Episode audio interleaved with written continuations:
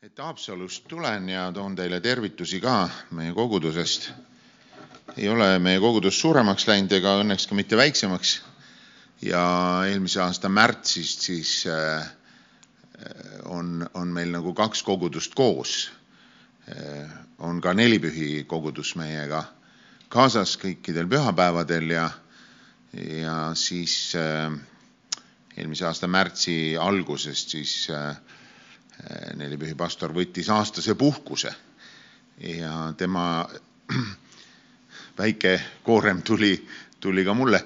nii et äh, oleme siis kahe kogudusega praegu käimas igal pühapäeval ja teeme oma asju nii, nagu saame ja oskame ja kuuleme tihti ka venekeelset tõlki ja mõnikord mõned ülistuslaulud kõlavad ka vene keeles äh, Vene koguduses ei olnud palju rahvast äh, ja selle nii-öelda ühise käimisega jäi veel vähemaks ja ära kadusid siis äh, need, kes jutluse ajal uudiseid Putinist kuulasid, et nemad läksid ära Neid oli ka.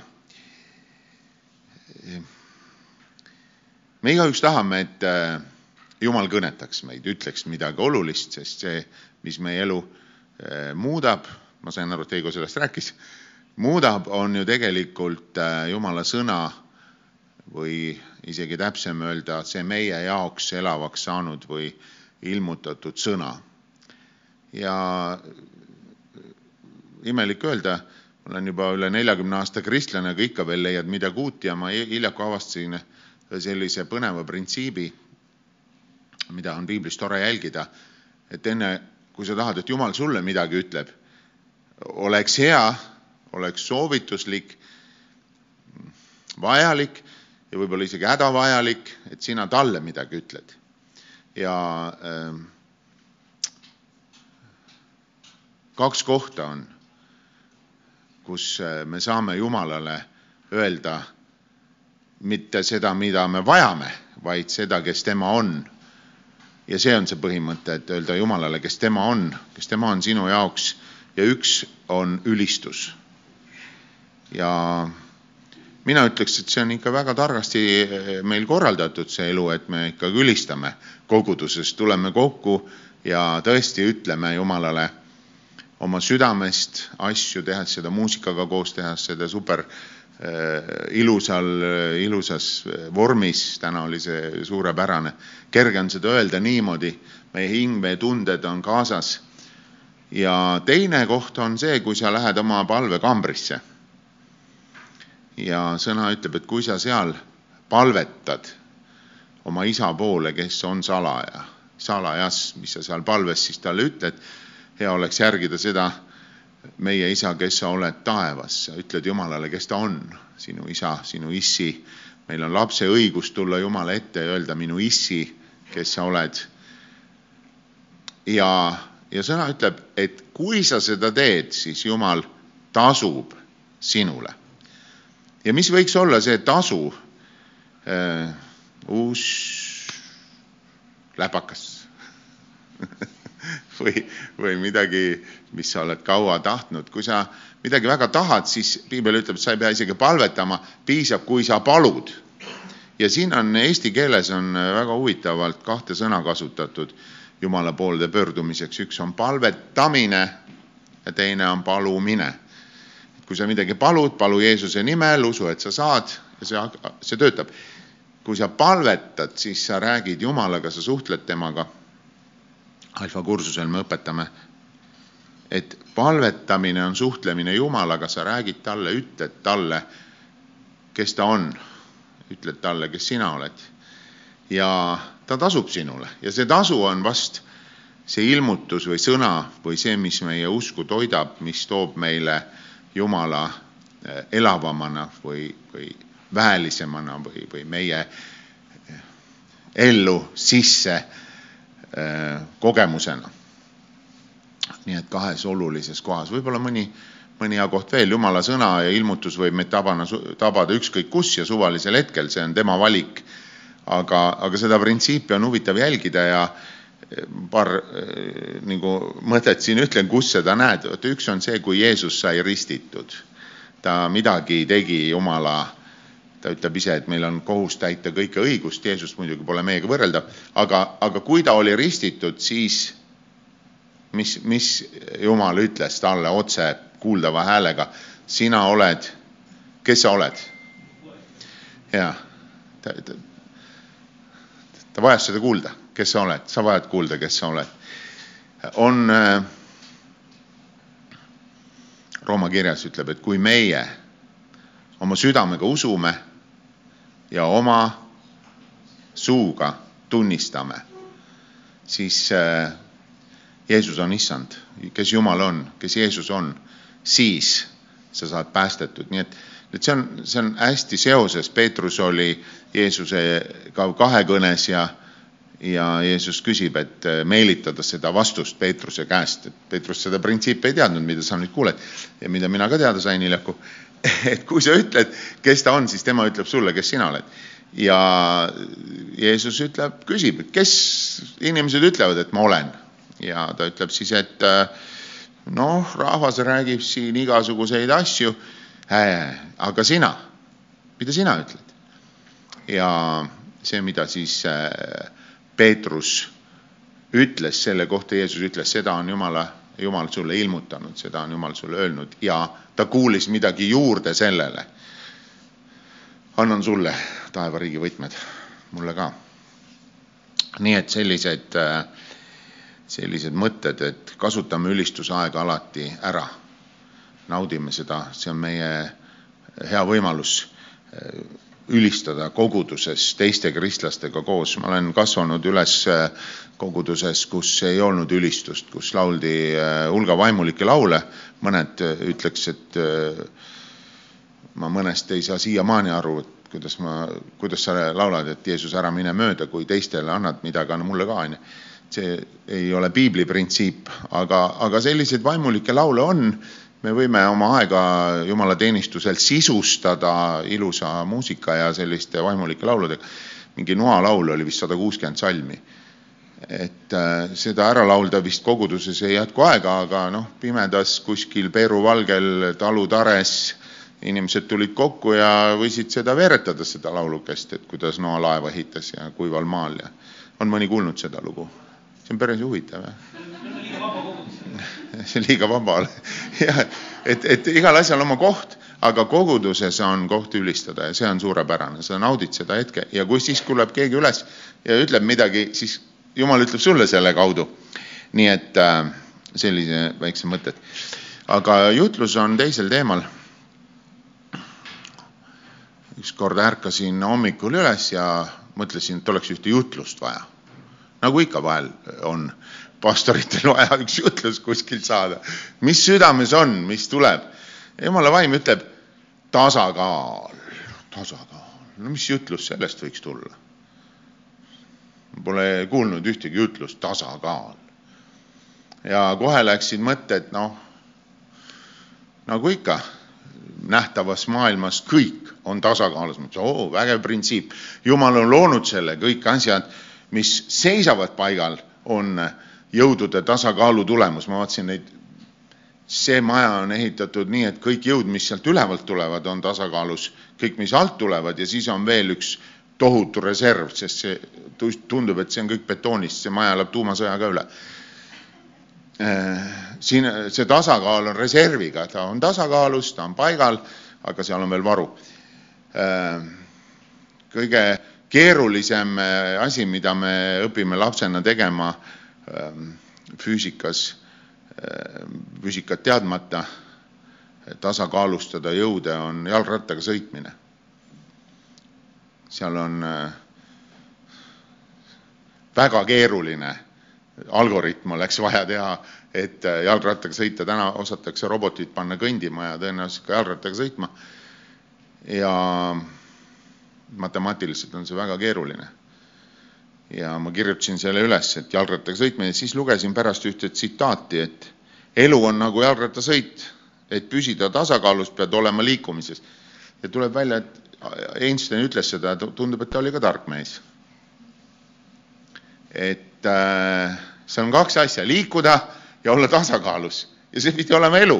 Ja kooli keemiast, mäletad midagi, mis oli pastakas käes, teine ots suus. sa pead kirjutama mõne numbri, aga need peavad olema õiged ja see on võrrand, mida sa pead tasakaalustama. jah, sest niikaua, kuni ei ole saavutatud tasakaalu, läheb see ei tea kuhu, noh, see keemiline protsess. ja kui siis on kõik lõppenud, siis on uus tasakaal kõik, mis liigub, püsib, planeedid, maa, Jumal on loonud selle printsiibi nähtavasse maailma. ja Jumal on loonud selle printsiibi meie ellu. inimesena me oma elu nagu autopiloodiga, mõtlesin sellele, üritame kogu aeg ju tegelikult hoida mingis tasakaalu kohas. jumalatu inimese elu on samuti, ta on selle kuidagi tasakaalustanud, ta on oma töö ja vaba aja ja hobid ja oma soovid ja oma võimalused äh, toonud mingisse kohta, kus noh, ta saab hakkama, tuleb toime ja tal on homne päev ka, ehk ta on jätkusuutlik. ja see on siis tema tasakaalupunkt. ja väga tihti keegi ütleb, et aga äh, mis sa segad mind oma jumalaga, sest mul on ju kõik hästi ehk tegelikult tasakaalus, hästi. ja elu nähes või jälgides, ma arvan, sa oled ka märganud seda, inimene muutub äh, otsijaks siis, kui miski olukord või sündmus lööb ta välja sellest tasakaalu olekust, see võib olla haigus, lähedase kaotus, mingi töö kaotus, finantsiline löök, äh, tihti mingi selline noh, või lotovõit näiteks, miljon see võib täpselt samamoodi tasakaalu asendi ja ta peab hakkama seda uuesti, uuesti looma, seda tasakaalu ja, ja vahel on inimeste jaoks see koht nüüd, kus ta siis ei leia enam. Ja siis pöördume ka Jumala poole ja otsime sealt tuge ja noh, pole halb päev, kui äh, keegi palub, Jumal, aita mind. Ja piibel ütleb, et kes appi hüüab issanda nime, see päästetakse sellest olukorrast ja, ja ja tal on uus, uus nii-öelda balanss või tasakaal. Äh, lugesin ühte artiklit natuke, see on nüüd kõik sissejuhatus aga ma arvan, et äh, võib-olla see mõnda inimest täna kõnetab siin, et mind kõnetas küll. Äh, ja seal oli siis mõned tsitaadid loeks psühholoogid, no usutakse, et nad on need, kes oskavad aidata. Ehm, kui päris hulluks läheb, siis on vaja psühhiaatrit, on ju. aga, aga noh, psühholoog on nagu hingehoidja või ta peaks mingit äh, ärakuulamist tegema, mida nad vahel unustavad, et hakkavad kohe rääkima. ja, ja üks hea tuttav, kes hiljaku käis psühholoogiga vestlemas, ütles, ma ei viitsinud teda enam kuulata, tulin lihtsalt tulema ta tundus nagu tagurpidi see protsess, et ta muudkui äh, rääkis ja rääkis, jah. et äh, inimene vajab oma koorma ära panna, selle, mis on raskus vales kohas ära, siis tuleb see tasakaal, et sa võid muidugi mingi teise raskusega ka, kui turu peal olete ju käinud küll, ma mäletan, poisikesena olid sellised kaussidega äh, noh, malmist selline kolakas kaal pandi, ühel pool olid kausid ja teisel pool ja siis eh, mida sa sealt ostsid, siis õunad või kartulid pandi kravaki ühe kausi sisse ja teisele poole siis tädi pani suitsu kõrvale ja võttis sealt, pani mingeid pomme ja siis nihutas veel midagi, siis seal kaks sellist linnunoka moodi. Eh, ja kui need kokku sattusid, siis oli see õige tasakaal. et, et võib-olla noh, mõeldes sellisele kangkaalule praegu siis, siis vahel niisugune äraandmine viib meid uuesti tasakaalu. ja psühholoog soovitab siis võtta hetke ja defineerida enda jaoks tasakaal ja tasakaalus elukorraldus, isegi sellises ootamatusi täis maailmas. tundub, et jälle tark inimene on öelnud. ma jõudsin ka selleni mm meie viimane suur äh, jõud, mis kõik tasakaalust välja virutas, oli siis see noh, põhjusega või, või põhjendamata Covidi kriis, takkajärgi öeldakse, et sanktsioonid olid liiga ranged, ei olnud põhjendatud, aga läbi me sellest tulime ja täna me ikkagi veel äh, naudime äh, seda tulemust majanduses ja ühiskonnaelu korralduses, poliitikas, kus iganes. et äh, noh, võtab aega, enne kui tasakaal saavutatakse. psühholoogid selgitavad, et tasakaalus eluni jõudmiseks peab toimetused korraks pausile panema ja prioriteedid ritta seadma. piibel ütleb, et tehke kindlaks, mis on peaasi. Kuigi tasakaal tähendab iga inimese jaoks midagi erinevat, on see siis korralik uni, tervislikud toitumisharjumused, piisav liikumine, endaga rahu tegemine või kõik need asjad korraga,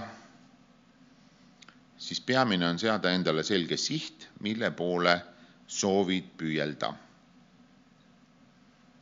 Muutuste juhtja ja arengunõustaja Gustavo Ratzelti, ma ei tea, kuidas hääldatakse, ütles kunagi äh, ajakirjas Psychology Today, et tasakaal ei ole midagi füüsilist, mida saavutame, see on meeleseisund ja mõistmine, et elu on pidevas liikumises. Tasakaal peitub vähem selles, kuidas me oma aega planeerime ja rohkem selles, mida me teeme siin ja praegu. Mis mõtet on võtta puhkus, kui muretsed kogu aeg töö pärast? vaim peab olema seal, kus on parasjagu keha. et ma ikka tihti kordan, et kui sa oled kirikus, siis kuula, mis kirikus räägitakse, mitte ära äh, kasuta seda aega, et noh, lõpuks sa maha istud ja oma asjad rahulikult läbi mõelda olen selliseid asju ka kuulnud, et nädal on nii kiire, et lõpuks lähen kirikusse, siis on, istun seal, kuulan seda suminat ja mõtlen oma asju, et küll on hea kirikus käia. sa ei tule selleks kirikusse, et seda kuulda ja mõelda, võtta see aeg kuskilt mujalt. aga nad noh, nii nagu nad ütlevad, et tuleb võtta see aeg, panna prioriteedid, see ei ole tähtis, vähetähtis, kuidas meie hing elab, meie hingeseisund või lugu mõjutab meie elu vast kõige rohkem ja kõige võimsamad jõud, mis eh, meie hinge võivad tasakaalust välja viia, on hirmud, kartused. ja kõige võimsam jõud, mis selle võib tagasi tuua, on lootus.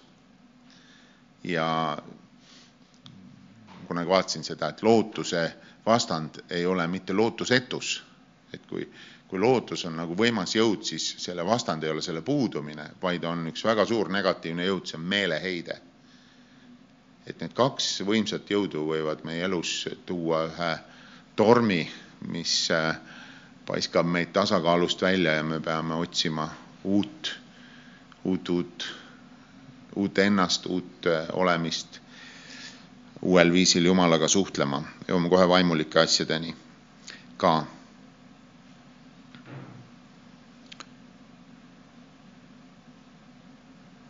Inimese elu on edukas. me kõik tahame olla edukad, jah? edukas ja eesmärgipärane, kui on tasakaal. ei ole minu välja mõeldud lause. äkilistest sündmustest juba rääkisime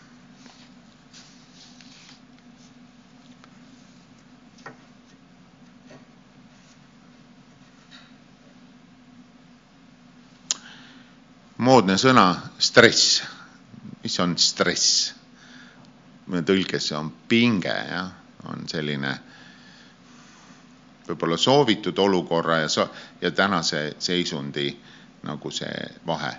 nüüd me peame ühte asja meeles pidama ja see on hea, kui me mäletame seda hästi, on see, et ideaali ja tegelikkuse vahel on alati üks lõhe kuristik ja vot see, see pinge paneb meid liikuma selle ideaali poole.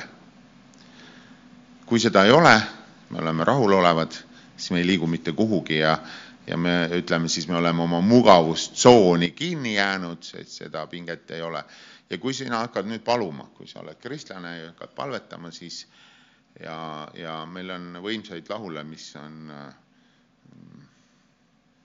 sisaldavad äh, asju, mis võrrelduvad tuumaenergiaga, näiteks Jeesus, muuda mind. laulame, aga äh, kui Jumal seda väga tõsiselt võtab, jah, et ma võiks teha tööd, milleks kutsunud sa mind, siis sa võid päris kindel olla, et ühel hetkel Jumal lükkab sind tasakaalust välja, kõmaki. ühte olukorda, kus sa hakkad midagi otsima. sest vastasel korral sa ei muutu siis me hakkame liikuma selle, selles pingeväljas. ma olen oma hariduselt elektroonikainsener ja ma mäletan, et, et üks esimesi asju, mida me pidime nagu mitte aru saama oma mõistusega, vaid äh, kui elektrikud või elektroonikud tajuma kuskil oma juuksejuurtega, et pinge tekitab alati voolu. ja mida suurem on pinge erinevus, noh, keegi on kuulnud pinget üks koma viis volti, see on tavalises patareis, jah. sellega võib eh, tänapäeval taskulambi põlema saada, aga noh, ei, ei muud. aga mida kõrgem on pinge, seda suurem saab olla see energia hulk, mis sellest läbi voolab. jah, ja kui sa nüüd mõtled, et, et jumal tahab sind millekski kasutada, mingit energiat sinu kaudu kuskile juhtida, siis seal ei saa olla ilma pingeta seisundit. ja sa pead seda taluma ja seda äh, ebamugavust, seda stressi, mis sellega kaasneb, aga seal on üks tasakaalustav pool, ma jõuan selleni ka. ja kõige võib-olla selline kristlase, noore inimese usuline ootus on, on see, või tegelikult seda on isegi uuritud, see on väga põnev, et kui me oleme noored, siin on teie hulgas peaaegu kõik noored siis see, seal on hästi oluline see meie komponent meie kogudus, meie noortekamp ja selles kambas on meie Jumal. see on Jeesus, ta on meie sõber, ta on meie poolt. me teeme teda asja, kõike, mis me teeme koos temaga, anname, ta, muidugi ta on tähtis, ta on nagu see kamba liider siis, jutumärgid, ja, ja liigume koos, koos temaga ja, ja see meie tunne on hästi oluline ja see tasakaal saavutatakse selle nagu positsiooniga selles meie hulgas. noortel kogudustel on see asi, ehm, väiksemas mingis uues grupis, selles uues loodud mingisuguses grupis on alati see meie tunne hästi oluline. Ehm, hiljuti, ehm, kui me vaatasime poliitikat, siis tuli Eesti kakssada, uus, seal on nüüd see meie, tuleme, teeme uue kvaliteediga poliitikat. ja see uus sai läbi ja kõik on ikka vanamoodi et, et, et see uus ja see on, see on nagu noortel ja, ja ealiselt noortel ja noorte, noortel kristlastel ja niisugustes uutes kampades hästi.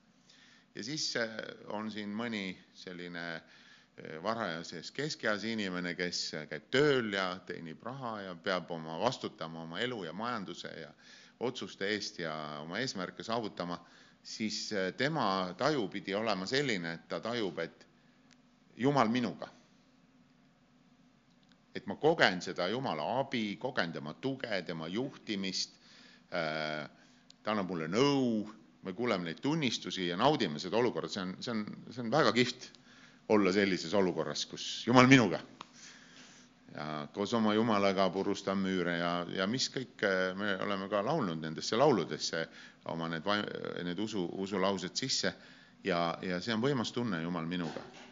ja siis tuleb üks aeg, kus äh, neid ei ole, aga, aga see võib tulla mõnele, kus, kus me ei ole enam nii võimekad, meil ei ole enam neid vastutusi, me oleme saanud pensionile. Ja siis hakkab see, see tasakaalupunkt tekkima teise kohta, see on mina Jumalaga vähem mind ja rohkem Jeesust. Ja see inimese taju on juba noh, ma olen seal Jumala juures või tema küljes ka keegi või Jumala armust saan ma olla tema ligidal, et, et, et äh, niisugused huvitavad asjad, neid on uuritud ja, ja ma arvan, et et need on selle tasakaalu mõte, mis ma täna siin nii-öelda lühidalt tahan öelda. olulised komponendid, et me leiame iseenda elu kuskil seal skaalal, võib-olla seal vahepeal mingisuguses üleminekus ja, ja nad ütlevad, kui need üleminekud on järsud, siis see toob kaasa sellise kriisi ehk me tasakaalu asend on tugevalt häiritud. ja inimene võib sellises olukorras olla ka vaimulikus kriisis, ka sellises stressis ja ta peab defineerima Jumalat enda jaoks nagu uuel moel, uuel viisil või Jumala sõna uuel viisil. ja, ja vahel need stressid tekivad sellest ka, et me oleme kuulnud õpetust, lugenud häid raamatuid, tunnistanud äh, usus sõnadega asju välja ja, ja korraga vaatad, et see ei tööta. ja siis äh, otsustad seda, mis sa oled teinud, teha rohkem, intensiivsemalt, see on hästi tavaline selline reaktsioon. järelikult ma olen vähe teinud et järelikult ma olen vähe palvetanud või vähe koosolekul käinud, vähe ülistanud, mu vaimulik elu on nii metsas kui metsas, aga tegelikult see ei pruugi üldse metsas olla. Ja meil on hingevaenlane, kes, kes ütleb, on metsas, on metsas, pinguta rohkem. ja, ja inimene satub sellisesse olukorda, kus äh, tasakaalu ei ole ja ta tegelikult ei leia ka seda, sest ta otsib seda nagu noh, ma ei ütle, et valest kohast, aga võib-olla vale motiiviga või, või natuke ebakorrektse motiiviga. ja ärge nüüd arvake, ma midagi psühholoogiast tean, ma peaaegu midagi ei tea, ma alles hiljuti sain teada, et ma olen ATH. see on see aktiivsus tähelepanu häirega isik, on ju. jah, teie juba teadsite, aga mina veel ei teadnud jah, et aga seda ei öelnud arstid, seda ütles mu naine, nii et ta on targem ükskord võib-olla jõuavad selleni ka, et ütleb, ütleb mõni proff, aga mu tütar kinkis mulle raamatu ATH kaks, versioon kaks juba. esimene on see nõrk tase, aga aga, aga ma lohutan ennast sellega, et äh, ma võin häiriv olla teiste jaoks, aga võib-olla äh, täitsa lahe on olla üks ATH ise saan aru, jah. pärast seda on palju selgem maailm, stressi on vähem paar sõna veel nii-öelda sellise üldise osa juures. töö kiidab tegijat, olete sellist lauset kuulnud, see on hea lause, mulle ka meeldib see. ma naudin tööd, kui sellel on tulemus. ja äh, hiidlased on niisugused imelikud inimesed, et nad teevad kahte asja, lõhuvad puid ja pärast lapivad. jah, see on äh, minu jaoks lapsepõlves nii harjunud äh, sõnadepaar, et kõigepealt lõhud ja siis lapid aga tegelikult see tähendab seda, et sa teed nagu küttepuud peenikeseks, siis paned nad virna. noh, võib öelda virnastad või laod, laod riita, aga hiidlased lapivad eh, riita. vot ja see puude lappimine on mulle alati pakkunud eh, sellist töö kiidab tegijat, sa paned nad ära, oli vastik, ebamugav, igav töö. kusjuures see on suurepärane töö, seal saad oma mõtteid mõelda, mitte nii nagu kirikus, sa pead mõtlema, mis sulle öeldakse aga seal mõtle, mis tahad. ja lapid neid puid ja siis, ja siis vaatad, see virn on ja lähed enne und veel vaatad seda ja ja siis tuled järgmine kord maale, vaatad jälle ja suurepärane.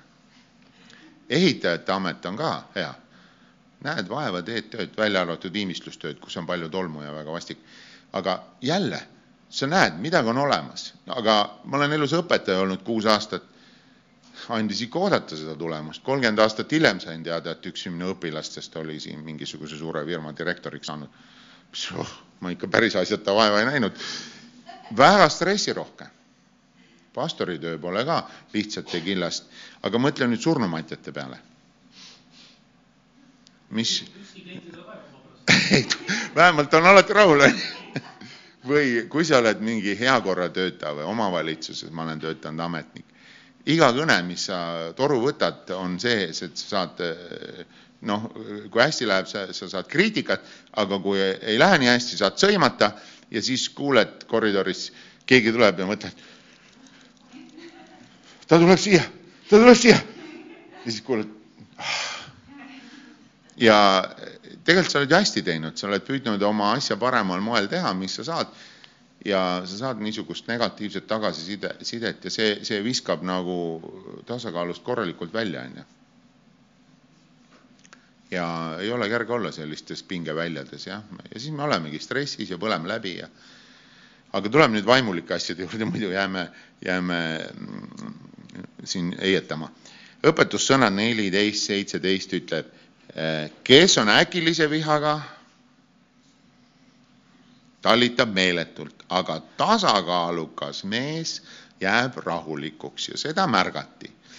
ja meie vooruste nii-öelda vaimulike või kristlike vooruste hulka kuuluvad kindlasti äh, vaimuviljades loetud väärtused, pikk meel, kannatlikkus, püsivus, heatahtlikkus, headus on ju.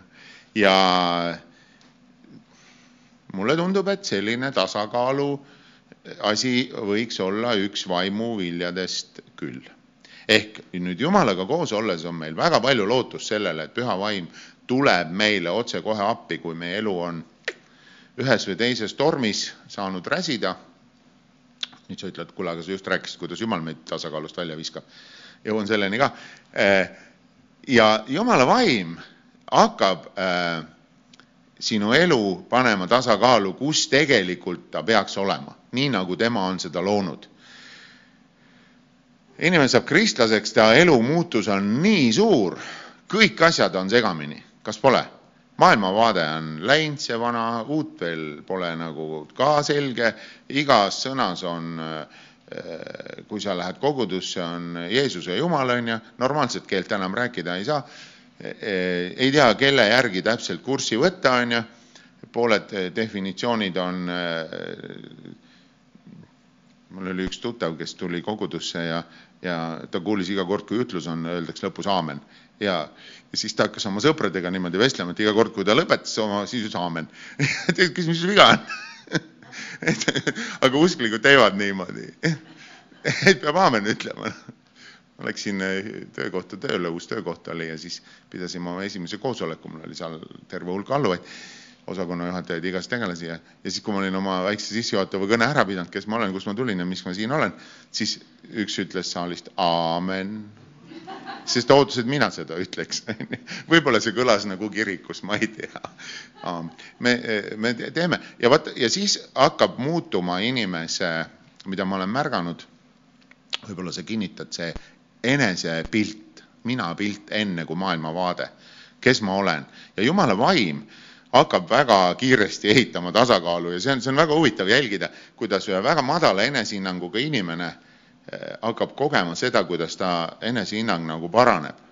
ta julgeb öelda mõne sõna, ta julgeb eh, istuda võib-olla natuke teise koha peal, ta julgeb öelda kellelegi võõrale tere või, või eh, ta hakkab nagu kodusemalt tundma ja mina ütleks, et see on jumala vaimu töö inimese sees, korrigeerida seda ülespoole minekut. Aga kui kellelgi on väga kõrge, siis see oleks väga ohtlik, et see läheks veel kõrgemaks, eks? Siis, siis teda tuleb kuidagi äh, väga delikaatselt, jumal teeb seda käest kinni, toob trepist alla sinna, kus on okei. Okay.. ja, ja lõpuks see tasakaal saavutatakse sellega, et piibel ju õpetab meile, et me koos toimides, äh, üksteist arvestades, looksime selle keskkonna ja õhkkonna koguduses, kus saab Jumala vaim esineda kõige oma power'iga, väega, vaimuandidega imedega, tunnustähtedega, prohveti kuulutusega, eespalvetega, kõige sellega.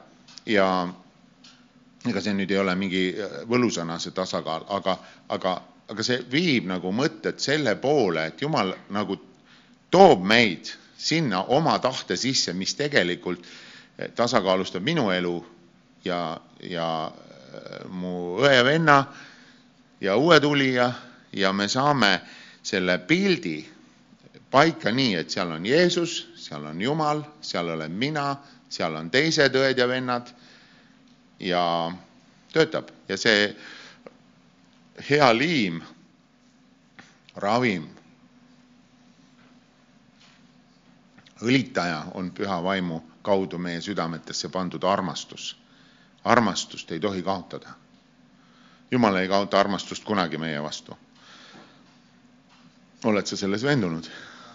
jah, ta alati jääb ütlema, et ta armastab sind, ta jääb alati meie poolt. ta jääb alati meiega. Nüüd väga praktilises elus ütleb Paulus kirjutab korintlastele kaheksas peatükk, teine korintlaste kiri kaheksas kolmteist, sest ei ole vaja, mis teisele on kergenduseks, oleks teisele koormaks, vaid tasakaalustuseks.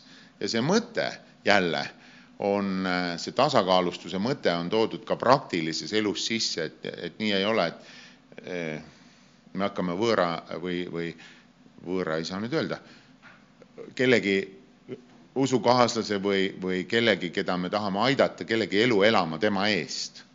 ta peab ise seda tegema, see on tema tasakaal, kuhu ta peab jõudma, aga meie saame üksteist aidata ja Paulus kirjutab, et sünniks tasakaal. ta märkas seda, et asjad võivad väga ruttu viltu minna. ma olen ka mitu korda märganud sellist asja, et inimesed, kes on nagu sellise abistamise Anniga ja muideks need Annid on, isegi ametid on olemas sellised äh, koguduses, et äh, teki, on, on vanemaid inimesi, kellel on abi vaja või haigeid või puudega inimesi ja, ja see abistaja kogeb seda abistamise rõõmu ja ta saab sõltuvusse sellest ja, ja ta tahaks veel rohkem abistada. Ja lõpuks ta võtab üle selle inimese elu ja lõpuks see lõpeb konfliktiga, sest äh, midagi läheb väga, väga tasakaalust välja ja mõlemad pooled saavad haiget, et äh, siin on hästi oluline seda tasakaalu silmas pidada ka praktilises tegevuses, ka koguduses. maakoguduse pastor oli vähemalt äh, sel ajal, kui mina noor olin, oli selline mees, kes kõigepealt tuli no ütleme, et toome näiteks, oli talv, sõitis äh, Tallinnast Lähtrusse, see on elust näide, kes teab, see teab, kes see pastor oli, ajas palvema ümbert lume ära, küttis ahjud, heal juhul oli tal naine kaasas, see koristas saali, siis sõitis bussiga kõik küla läbi, naine tegi nii kaua võileibu, tõi rahva kokku, siis äh, naisega laulsid, siis rääkis jutluse, siis sõid koos võileivad, siis viis kõik koju, siis koristas palvemaa ära ja siis läks jälle koju tagasi. ja, ja seda äh, nad tegid siiras usus, et see kõik on Jumala teenimine. ja ta on, kui sa teed seda Jeesusele, Jeesuse nimel. ja väga tihti äh, inimesed põlesid läbi sellises olukorras, seda ühe korra teha on okei okay seda teha jõulude ajal on ka okei okay., võib-olla seda teha paar korda aastas on ka, aga kui sa iga pühapäev pead selle läbi tegema. ma usun, et siin on inimesi, kes praegu mingis olukorras tunnevad ennast ära. mäletan, kui meil olid Haapsalu Pritsu majas koosolekud, siis see pühapäev algas niimoodi pihta, et äh, mul oli autolaada, Heigol oli ka autolaada, selle emo ühesõnaga, sa tõid siis sellega nagu enda omaga selled oli alati täis toppida, kõlarid, kõik asjad, ülistusasjad, projektorid, värgid sisse. kileprojektorid jah, kõik sinna, kõik see asi üles, siis ruttu ringi peale rahvast kokku tooma, siis tagasi. Mm, ühesõnaga tegelikult hakkas ikka räigelt äh, ära tüütama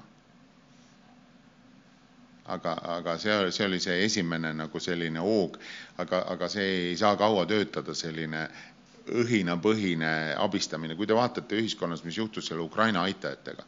me tegime ka kiiresti Haapsalus sellise välja, väljakutse mm, kasutades õnneks, õnneks mitte uut organisatsiooni ei teinud selleks, vaid kasutasime olemasolevaid ja noh, aitame ukrainlasi ja teeme seda ja teist ja kolmandat ja tegime ülestõusmispühadeks neile superägeda asja kõik, programmi ja laua ja kingitused lastele ja kõik. ja siis äh, neid oli Haapsalus umbes kolmsada, käisime, panime kuulutused ja kutsusime neid. Ja mitte ühtegi ei tulnud. Et kahel põhjusel. esimene oli see, et neid oli hoiatatud, Eesti siseministeerium või iganes, kes nad vastu võttis, hoiatas, et ei tohi kuhugi minna, et teid saaks pildistada või, või noh, et see info läheb kuskile Facebooki ja teie mehed, kes on rindel, kui satuvad vangi, siis hakatakse neil välja pressima infot ja ma ei tea, mida kõike kasutama ära. see oli üks põhjus, aga teine oli see, et nende ülestõusmispühad olid lihtsalt kaks nädalat hiljem. sa pead teadma, mis sa teed, on ju. see näitas küll meie head koostöövõimet, aga, aga, ja see õhin oli nii suur, aga tänaseks see on null, seda ei ole enam. seda ei ole enam ei kristlaste hulgas nii palju, võib-olla mõned on veel jäänud. Tallinnas on vist õnneks üks kogudus, kelle kaudu saab seda abi anda ja, ja lõpuks me oma selle abi, mis me kogusime, suunasimegi läbi selle koguduse siin. Nad on Baptistiliidu keskuse majas, toimetavad seal ja see läks õigesse kohta. aga mis ma tahan öelda, et see, see õhinapõhisus ei kesta kaua, et see jälle tasakaalustub kuhugi ära. tasakaalustub ära püsivusest. Luuka evangeelium ütleb, et oma püsivusega kannatlikkusest te päästate oma hinged ja, ja see hinge päästmine on üks huvitav äh, teema, et see ei ole nüüd see igav, ma arvan, et siin väga paljudes kohtades me peaksime nagu lugema laiemalt. et, et see ei ole nüüd see, et ma saan igavesti elama koos Kristusega või see hinge päästmine selles mõttes, aga, aga meie hinge olukord, Jaakobus ütleb, et võtke sõna vastu, mis võib teie hinget päästa, kuigi sa oled juba kristlane. jah et, et, et see meie stabiilsus, meie hingeolukord, see rahu, äh, rõõm, äh,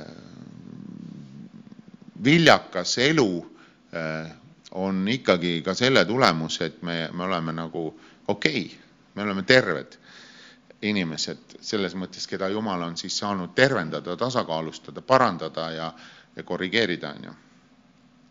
Nüüd võib-olla see oleks meie unistus ja igatsus näha, eh, elada imest imesse.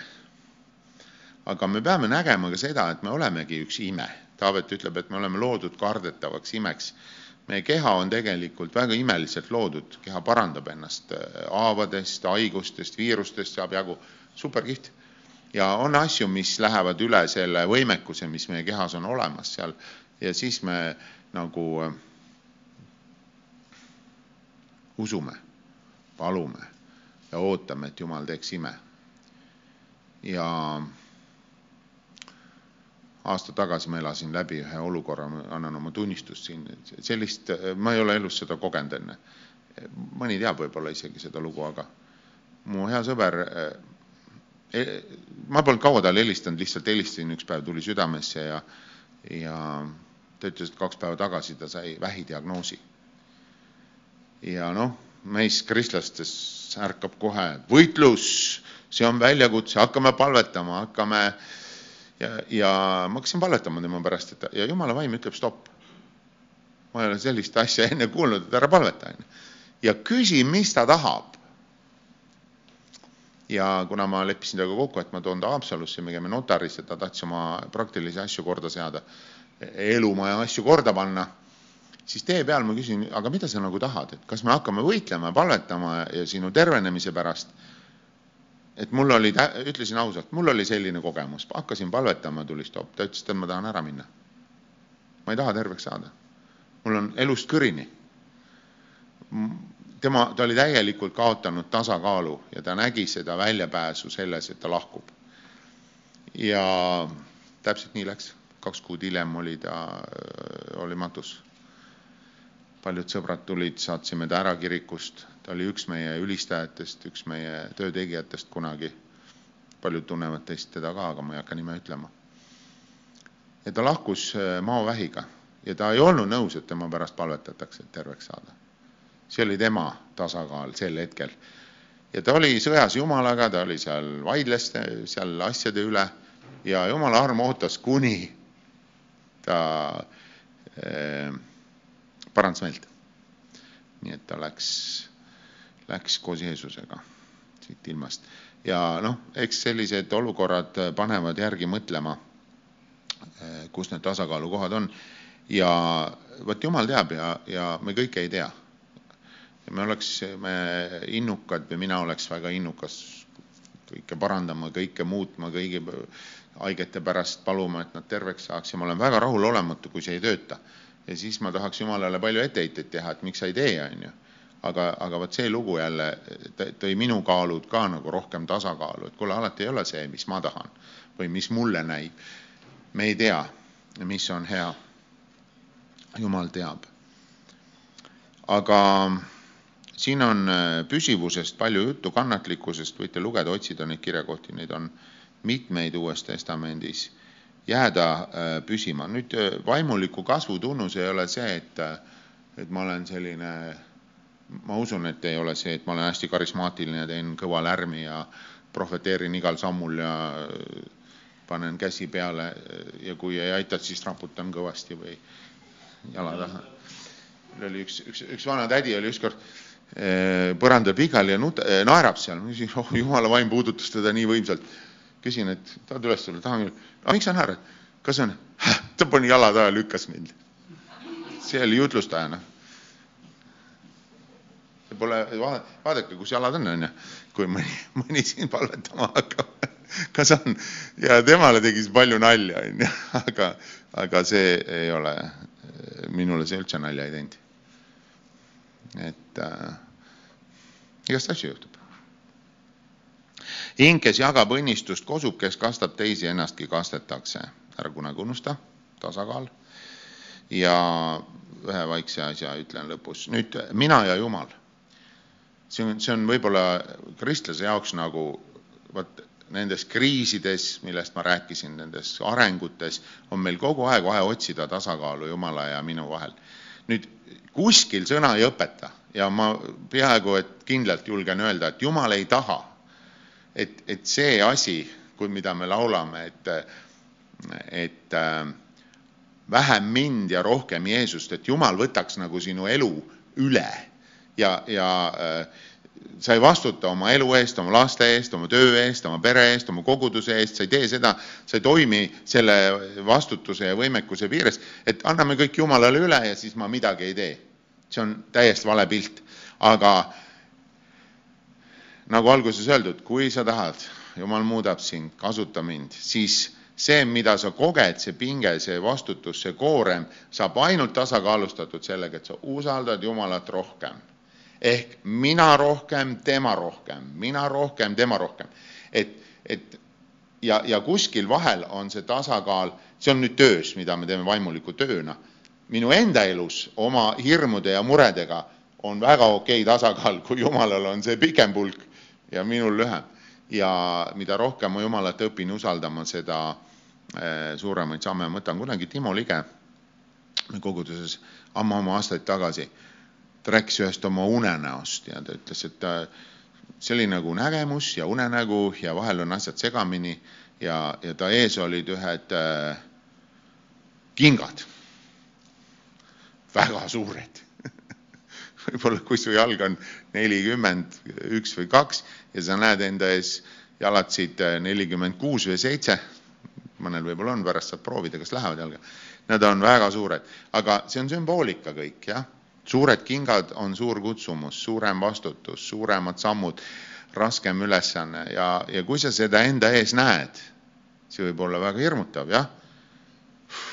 ja siis on väga, tundub vaimulik öelda kaks asja, et oh, mis nüüd mina mul pole südames. me õppisime väga ruttu ära, kui me olime noored noortekooris, alati pastor, kes meil kaasas käis, ütles, kas kellelgi on tunnistust ja, ja, ja üks vend leiutas, üks mu sõber leiutas selle vastuse, pole südames. ja pastor loobus kohe temaga vestlemisest. ja me saime aru, et see töötab. see töötab ja kui sa ütlesid, pole südames ja sa teadsid, see on vale, nii ei öelda, siis sa said sel korral rahu, aga üsna varsti ta ei küsinud enam. üsna varsti jumal ei küsi, kuule, teeksid midagi teab, et see tüüp on see, kellel pole südames. me peaksime olema julgemad öelda, siin ma olen, kasuta mind, Jumal. teades, et tema, see, see ei vii mind mingisse stressi ja katastroofi, vaid Jumal tasakaalustab selle omalt poolt. ja, ja me, ja kui me oleme siis väga rikkis, ütleme ausalt, võtame puhkeaega, otsime Jumalaga koos seda tasakaalu jälle uuesti ja nagu siis äh, liikumine ja tasakaal on kaks olulist asja, kumbagi ei tohi unustada. võib-olla see ei olnud niisugune ilmutuslikult äh, oluline täna, aga ma tundsin seda teiega jagada. et äh, me jääksime terveks kõikides tormides ja kriisides, mis ees on. Ma arvan, et neid ei ole vähe. keegi äh, saab rohkem, keegi vähem kogeda, aga pidage meeles, jumal tormis on parimas vormis. Tema nagu alt ära ei hüppa. Ta on sinu paadis, ükskõik mis lained tulevad. Ja kui me laineid jääme vaatama või neid elusündmusi, siis, siis me võime olla hirmus ja mures, aga teades, et jumal tormis on parimas vormis, see võiks olla meie hea julgustus igas olukorras. vaimulikult vahel tahaks teada nagu, kus me oleme, jah mul on selline tunne, et need asjad ja ajad, mis meil on Eestimaal praegu käes, on ühed huvitavad ajad. Olen jaganud seda mõtet ja küsinud teiste käest ka ja mõtlesin, ütlen lõpuks teiega ka seda mõtiskleda, mõelge ise edasi. et, et kui, kui nagu võrrelda, mis, no kas on ärkamist täna, ei ole? mina saan öelda, et meil veel ei ole, aga räägime, palvetame, tunneme kevadet õhus ja see võiks olla nagu see mesitaru, on äkki mõni mesinik siin ka või? see pidi niimoodi olema, et kui sa lähed taru juurde talvel, siis seal on väike sumin, nad kogu aeg midagi teevad seal on, aga seda ei ole palju, aga kui see kevad hakkab tulema ja see väljalennuaeg, siis hakkab seal kõik sumisema ja siis nad toovad välja ja kuule nüüd, mis nad välja toovad, kõik prügi, mis on tarusse jäänud, tekkinud, kõik oma laibad viskavad välja. Sealt lennuavast. Nad puhastavad taru ja siis, kui üks päev on päike väljas, on õied, kuhu lennata, siis nad lähevad oma korjele. ja vaata, mul on tunne, et, et koguduses on praegu, kogudustes üle Eesti on selline aeg, kus taru sumiseb, kui kuulata. midagi on liikumas, inimesed tunnevad oma südames, on nagu sellist entusiasmi õhinat ja sellist põnevust aga, aga see päris väljalend on, on lähedal. me ei tea, mis olukordades see on. ei tea, milleks me peame valmis olema, parem mõtleme täna asjad läbi ja oleme valmis, kui on aeg käes, et lennata välja ja tuua saak sisse. Jeesus ütles, et põllud on lõikuseks valmis. ta ütles oma õpilastele seal, aga ma millegipärast arvan, et see on väga universaalne. et, et põllud on lõikuseks valmis ja olgem, olgem valmis ja valvel terved, tasakaalus, innukad, täis Jumala väge, põnevil. teeme lühikese palve, isa taevas. Täname sind, et sa oled meie elu juht. su sõna ütleb, et sa oled ka meie ravija, siis kui me oleme haavatud. sa oled meie tervendaja, parandaja hinge, ihu ja vaimu poolest. issand ja me vahel oleme olukordades, kus me ei saa iseendast ka aru. ja kus me vahel tõesti peamegi nii tegema, nagu see psühholoog siin tänases jutus ütleb, et võta aeg maha ja pane prioriteedid paika, sinu sõna ütleb, et tehke kindlaks, mis on peaasi, mis on taaskord see oluline asi. issand, me tahame, et meie elu võiks olla tasakaalus, püsiv, me võiksime olla viljakad me võiksime näha väljapoole, et me võiks olla valmis täitma sinu ülesannet ja mitte ei mässaks ega madistaks ainult omaenda elu lahingutega. Ja issand, ma tänan sind, et sa tahad meid õpetada, juhatada, julgustada, innustada selles kõiges. issand, aita meil ka tasakaalustatult üksteist toetada ja julgustada ja luua koguduses, kogudustes seda head viljakat keskkonda kus issand sinu vaim saab tegutseda, kus väeavaldused saavad esile tulla, vaimuannid ilmneda, prohveti, prohveti kuulutused, kus me kõik täitume, issand, vaimuliku tarkuse ja julgusega. issand, see on koht, kus me saame tulla kokku ja ülistada sind ja öelda, kes sina oled, et kuulda, kes meie oleme. ja me tahame seda teha Jeesuse nimel. amen. ja Krolli sõnad lõpuks, et püüa hoida tasakaalu, sest on üks tee ja kaks kraavi